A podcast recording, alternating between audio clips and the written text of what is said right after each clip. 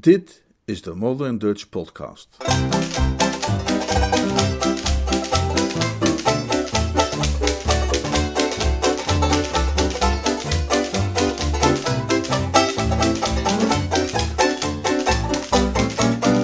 De Louterende Liefde. Een verhaal van P.G. Woodhouse uit de bundel Uitstekend Jeeves. Vandaag deel 1.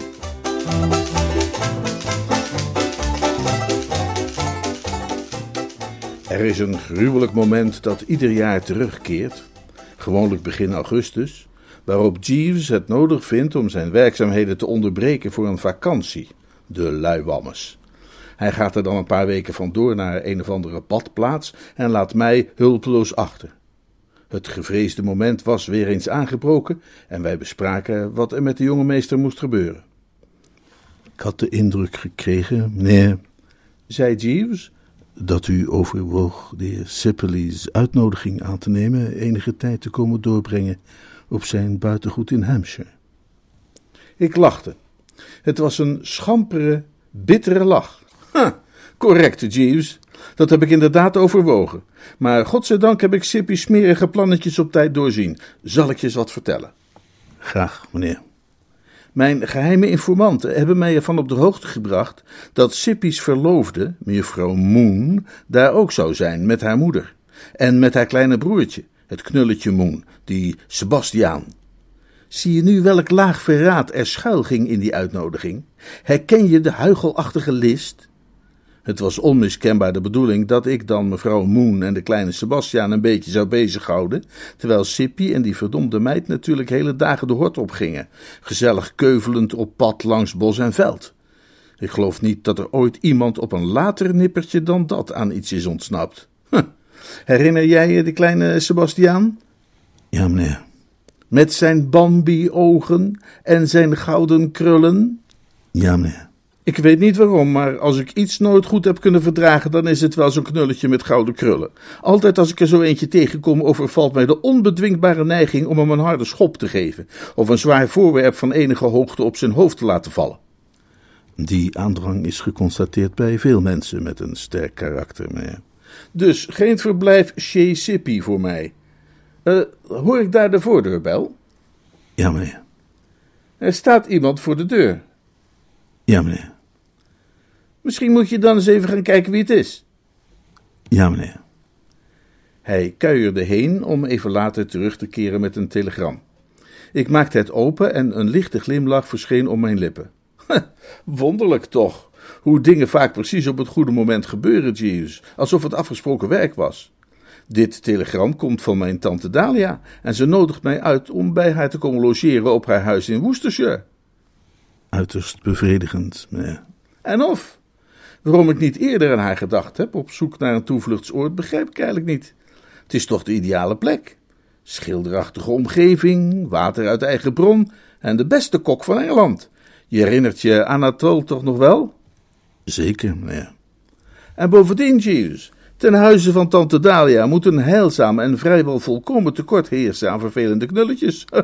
Haar zoontje Bonzo zal er natuurlijk wel zijn, vanwege de vakantie, maar met Bonzo heb ik geen probleem.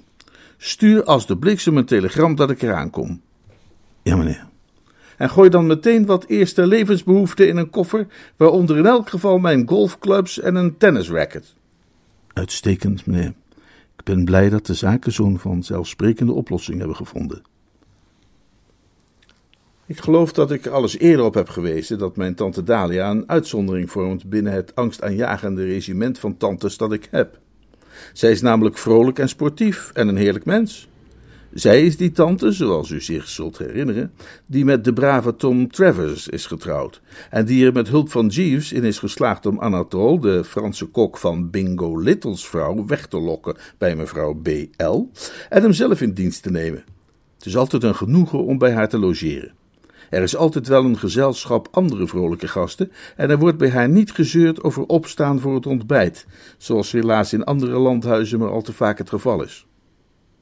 Het was dien ten gevolge met niets dan opgewektheid dat ik mijn toesieter voorzichtig de garage binnenwrikte van Brinkley Court, Worcestershire, en mij langs de kortste weg naar de voordeur van het huis begaf via wat bosjes en tennisbanen om mijn aankomst te melden. Ik was juist bezig het gazon over te steken, toen er uit het raam van de rooksalon onverwacht een hoofd naar buiten stak, dat mij op hartelijke wijze toeglunderde. Hoi, ha, woester, zei het hoofd. Hé, hey, hoi. Hoi, hoi, antwoordde ik, om in deze uitwisseling van beleefdheden niet te hoeven onderdoen. Het had even geduurd voor ik het hoofd wist te plaatsen, maar nu zag ik dat het toebehoorde aan een nogal mottige, maar alleszins vriendelijke zeventiger namens Anstruther, een oude vriend van wijle tante Dalia's vader. Ik had hem in Londen bij haar thuis een paar keer ontmoet. Een brave grijsaard, maar met uiterst gevoelige zenuwen. Oh, bent u net aangekomen? Vroeg hij met nog altijd stralende glimlach. Ja, zojuist, zei ik, ijverig terugstralend. Ik denk dat u onze hartelijke gastvrouw in de salon zult kunnen vinden. Merci, zei ik, en na nog wat heen en weer gestraal en geglunder vervolgde ik mijn weg. Tante Dalia was inderdaad in de salon en verwelkomde mij met een verheugend enthousiasme. Ook zij straalde me toe. Het was wat je noemt een stralende dag. Zo, lelijkheid, zei ze. De beiders, de hemel zij dank dat je kon komen. Helemaal de juiste toon, vond ik. Een toon die wat mij betreft wat vaker zou mogen klinken binnen de familie, en dan denk ik daarbij vooral aan mijn tante Agatha. Altijd er genoeg om van uw gastvrijheid gebruik te mogen maken, tante Dalia, zei ik hartelijk. Ik voorzie een rustig en aangenaam verblijf. Meneer Anstrutter is hier, zag ik al. Nog andere gasten? Ken je Lord Snetterson? Ik ben hem wel eens tegengekomen op de renbaan. Die is hier, met Lady Snetterson. En Bonzo natuurlijk. Ja, en Thomas. Oom Thomas? Nee, die is in Schotland. Je neefje Thomas. U bedoelt toch niet dat gruwelijke knulletje van tante Agatha? Ja, natuurlijk wel. Hoeveel neefjes Thomas dacht hij dat jij had, Truiloor? Agatha is naar Homburg en heeft dat ventje hier gedumpt. Ik was zichtbaar geschokt.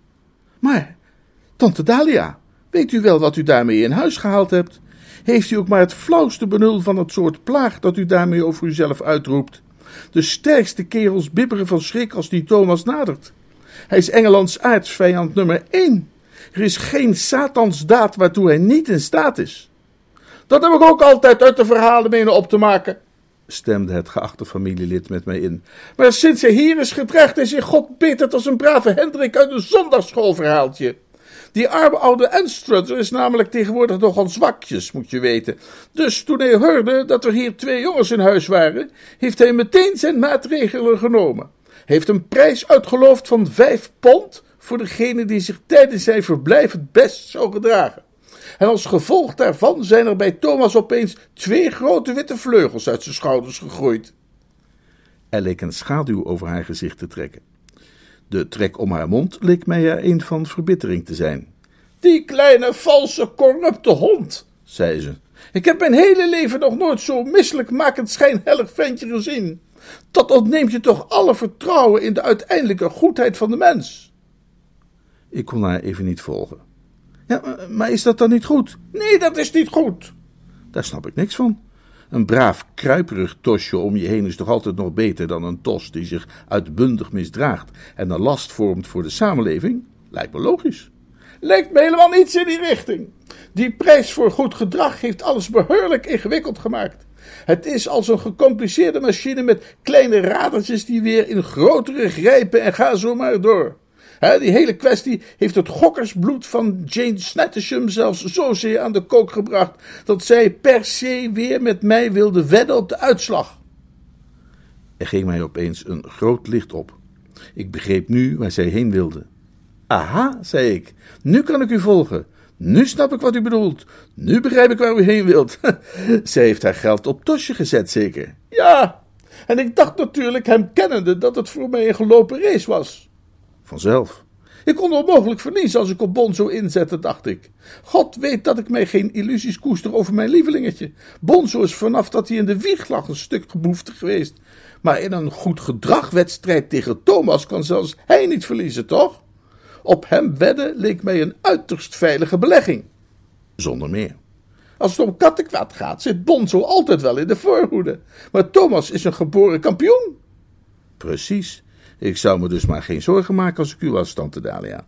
Dat gaat Thomas niet lukken. Zijn natuur zal de overhand krijgen. Hij moet wel bezwijken. Ja, maar misschien is voor die tijd het kwaad al geschied.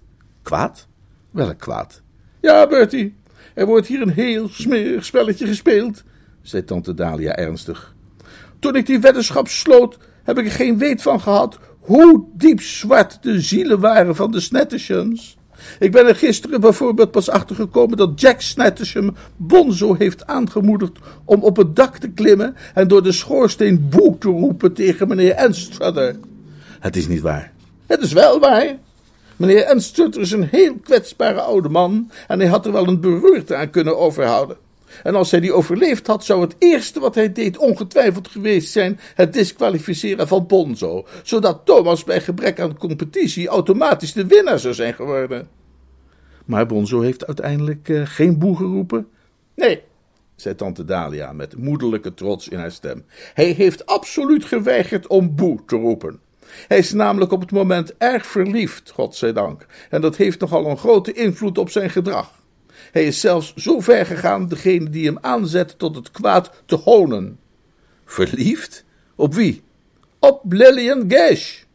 Er draaide vorige week een oude film van haar in de Bijou Dream hier in het dorp. En daar heeft Bonzo haar voor het eerst gezien. Hij kwam helemaal bleek en met een verwrongen gelaat naar buiten. En sindsdien probeert hij een beter en waardevoller mens te zijn. Ha, dat heeft het kwaad gelukkig afgewend.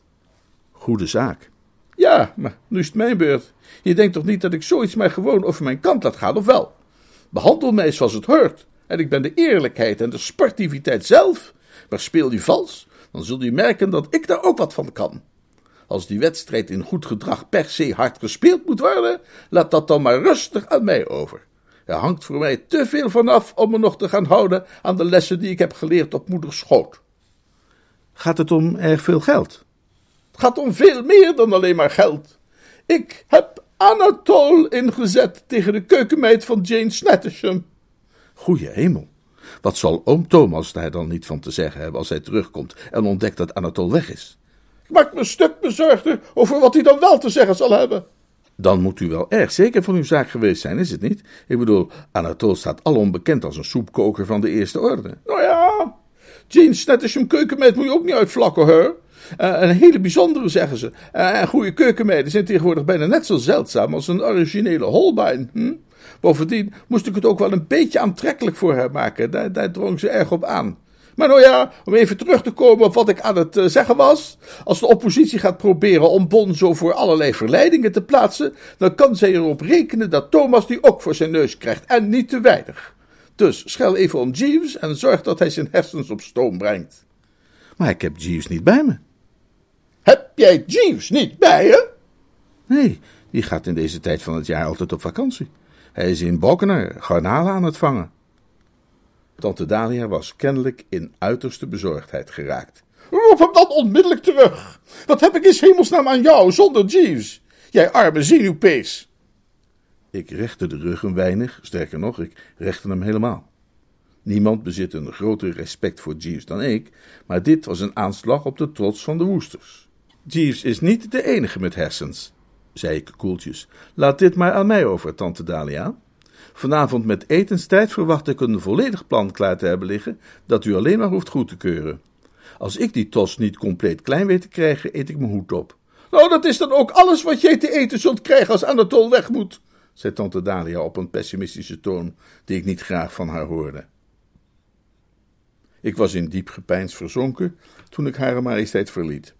Ik heb altijd al het vermoeden gehad dat tante Dalia, hoe hartelijk en joviaal ze ook mag zijn, en hoezeer ze ook genoegen lijkt te vinden in mijn gezelschap, mijn intelligentie een flink stuk lager inschat dan ik plezierig vind. Ze neigt er net iets te veel toe mij aan te spreken als suffert, en als ik wel eens toevallig een wat diepere of bredere gedachte binnen haar gehoorsafstand naar voren breng, reageert ze daar doorgaans op met een goed bedoelde, maar pijnlijke bulderlach. In ons jongste gesprek had ze maar al te duidelijk laten blijken dat ze mij als volkomen nutloos beschouwde in een crisis als de onderhavige, die om initiatief en vindingrijkheid vroeg.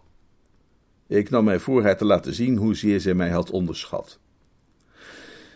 Wat voor een kerel ik eigenlijk ben, blijkt trouwens wel duidelijk uit het feit dat ik nog niet halverwege de gang was toen mij al een waterdicht en puntgaaf idee te binnen schoot. Ik overwoog mijn idee nog eens kritisch gedurende anderhalve sigaret, maar ik kon er geen zwakke punten in ontdekken. Vooropgesteld, en ik herhaal vooropgesteld, dat mijn opvatting en die van de oude heer Anstruther over wat nu eigenlijk slecht gedrag was, overeenstemden. Waar het om gaat in dit soort gevallen, en Jeeves zal dat bevestigen, is dat je een vinger weet te krijgen achter het persoonlijk psychologisch profiel. Bestudeer het persoonlijk psychologisch profiel en het is voor de bakker. Nu had ik het persoonlijk psychologisch profiel van het ventje Tos toevallig al jarenlang van dichtbij kunnen bestuderen en ik kende het dan ook van achter naar voren. Hij is een van die kereltjes die nooit de zon laten ondergaan over een toren, als u begrijpt wat ik bedoel. Ik wil maar zeggen, erger of beledig bijvoorbeeld dit jeugdig tuig met wat dan ook, en bij de eerste de beste gelegenheid zal hij proberen gruwelijk wraak te nemen. Nog geen jaar geleden bijvoorbeeld, tijdens de vorige zomer, had hij een man, een minister van het toenmalige kabinet notabene, alleen omdat hij verklikt had dat hij hem had zien roken, eenzaam achtergelaten op een eiland in het meer op tante Agatha's landgoed in Hertfordshire. In de gietregen bovendien, en in het weinig bemoedigende gezelschap van een der meest valse en agressieve zwanen die ik ooit heb ontmoet.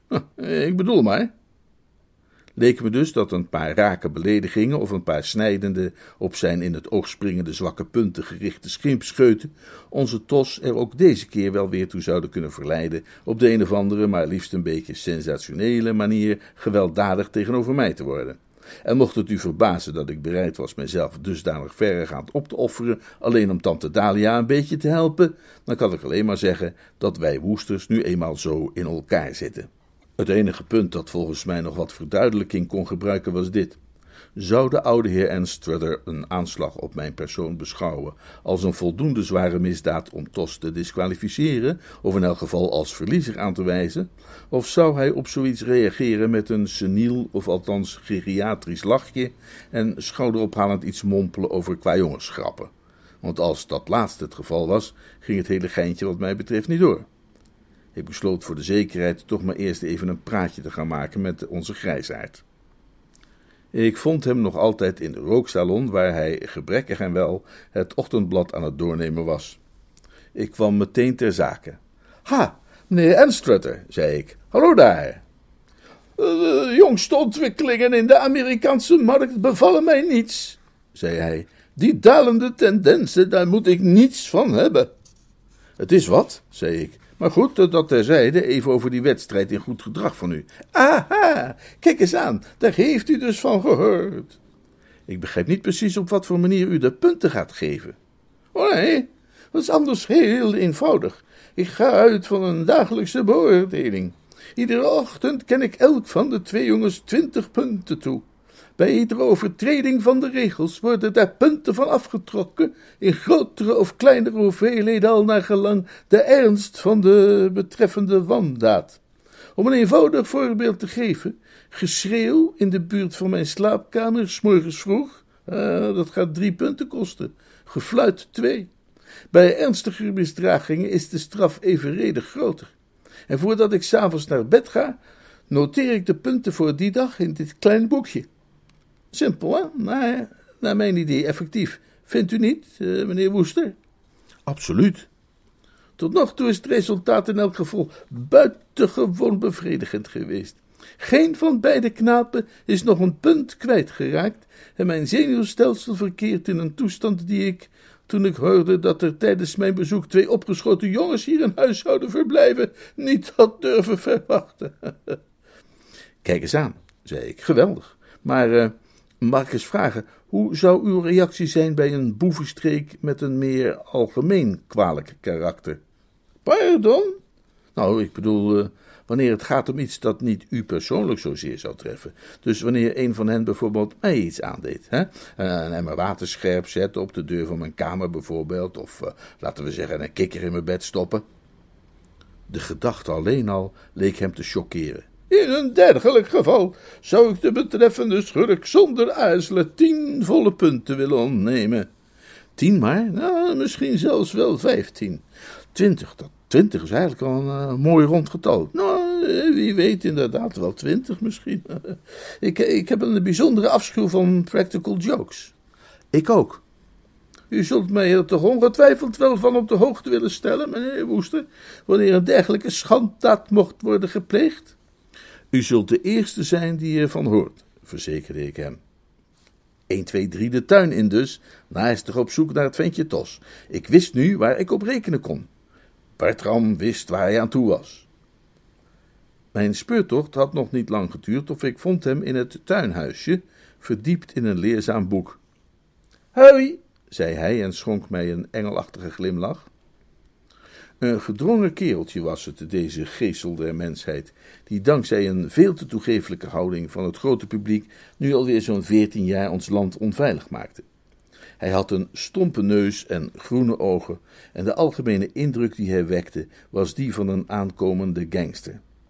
Zijn uiterlijk had me al nooit erg kunnen bekoren, maar de combinatie met een engelachtige glimlach bracht bij mij een korte golf van walging teweeg. Ik maakte een keuze uit de collectie stekeligheden die geheel spontaan bij mij opkwam. Zo, Toske, zei ik, daar ben je dus.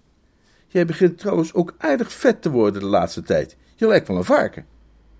Dit leek me eigenlijk wel een goede openingsset. De ervaring had me geleerd dat als er één onderwerp was waarover hij geen enkele vorm van spot of zelfs maar het meest vriendschappelijke geintje kon velen, dit zijn gestadig aanwassende buikje betrof.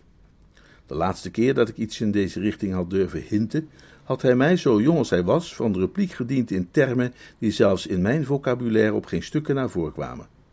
Maar hoewel er heel even iets van een smachtende glans over zijn ogen leek te trekken, volhardde hij ditmaal in zijn engelachtige glimlach.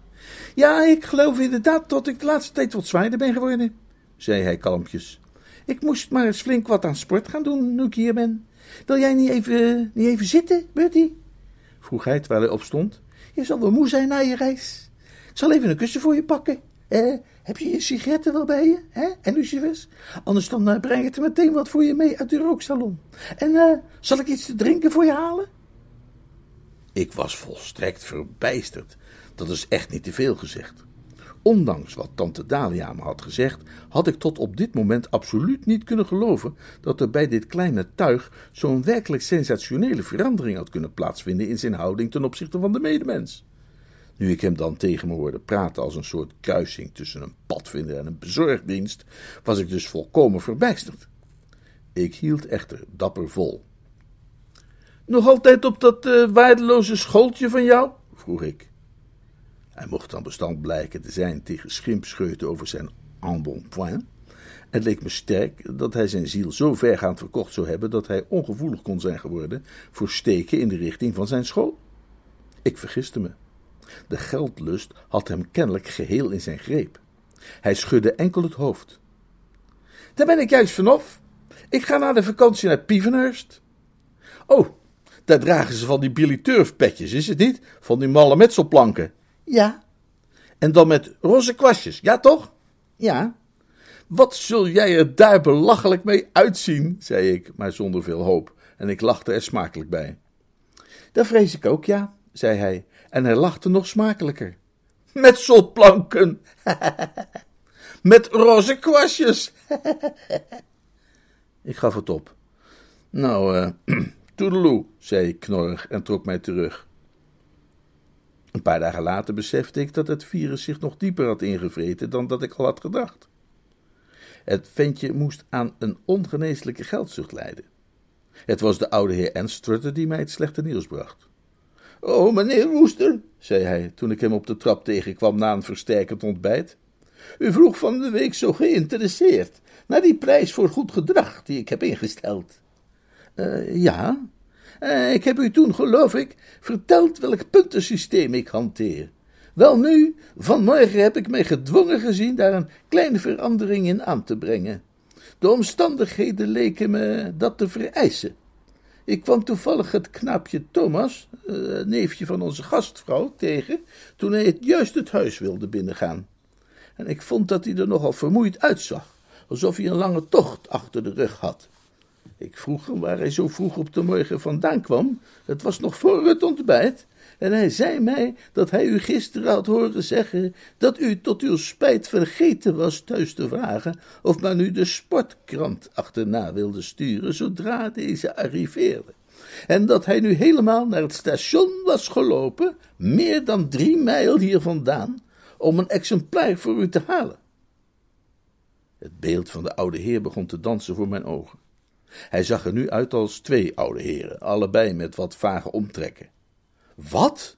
Ik begrijp uw bewogen reactie, meneer Woester. Ik voel daarin helemaal met u mee. Men vindt inderdaad maar zelden dergelijke onzelfzuchtige trek bij een knaap van die leeftijd. Ik was dermate geraakt door zijn goedhartige daad dat ik van mijn oorspronkelijke systeem ben afgeweken en het ventje een bonus heb toegekend van vijftien punten. Vijftien punten, ja, bij nadere inzicht zal ik daar inderdaad twintig punten van maken. Dat is, zoals u ook al eerder hebt gezegd, een, mooi rond getal. Hij strompelde verder en ik ging als de bliksem op zoek naar tante Dalia. Tante Dalia, zei ik, ik vrees dat het aardig mis begint te lopen. Daar kun je je zondagse slopkousen onder verwedden, stemde tante Dalia grommend met mij in. Weet je wat er net is gebeurd? Die schurk van een Stettersham ze zouden hem moeten verbieden nog ooit op de renbaan te komen. Ze zouden hem uit zijn club moeten smijten. Heeft Bonzo tien shilling geboden als hij tijdens het ontbijt een papieren zak achter de stoel van meneer Enstutter zou laten knallen. Godzijdank heeft Eros opnieuw getriomfeerd. Die brave Bonzo voor mij keek hem alleen maar aan en liep met opgeheven hoofd de kamer uit. Maar het toont wel even duidelijk tegenover wat voor krachten wij zijn komen te staan. Wij zijn tegenover nog gruwelijker krachten komen te staan dan dat, tante Dalia, zei ik. En ik vertelde haar wat er was gebeurd. Ze sloeg, zei het bij wijze van spreken, achterover van verbazing. En behoorlijk stijl ook nog wel. Was het echt Thomas die dat heeft gedaan? Tos in hoogst eigen persoon. En hij heeft zes mijl gelopen om een krant voor jou te halen? Zes mijl en nog wat. De smerige hond. Goeie hemel, Bertie, besef je dat hij best elke dag zo'n goede daad zou kunnen gaan doen? Misschien zelfs wel twee per dag. Hoe kunnen we dat dus hemelsnaam verhinderen? Ik zou het niet weten, tante Dalia. Het spijt me, maar ik moet toegeven dat ik volkomen radeloos ben. Er staat ons maar één ding te doen. We moeten zorgen dat Jeeves hierheen komt. Eindelijk! Het zou eens tijd worden, zei mijn getergde bloedverwanten nogal lomp. Jeeves had van het begin af aan hier moeten zijn. Stuur hem vanmorgen nog een telegram.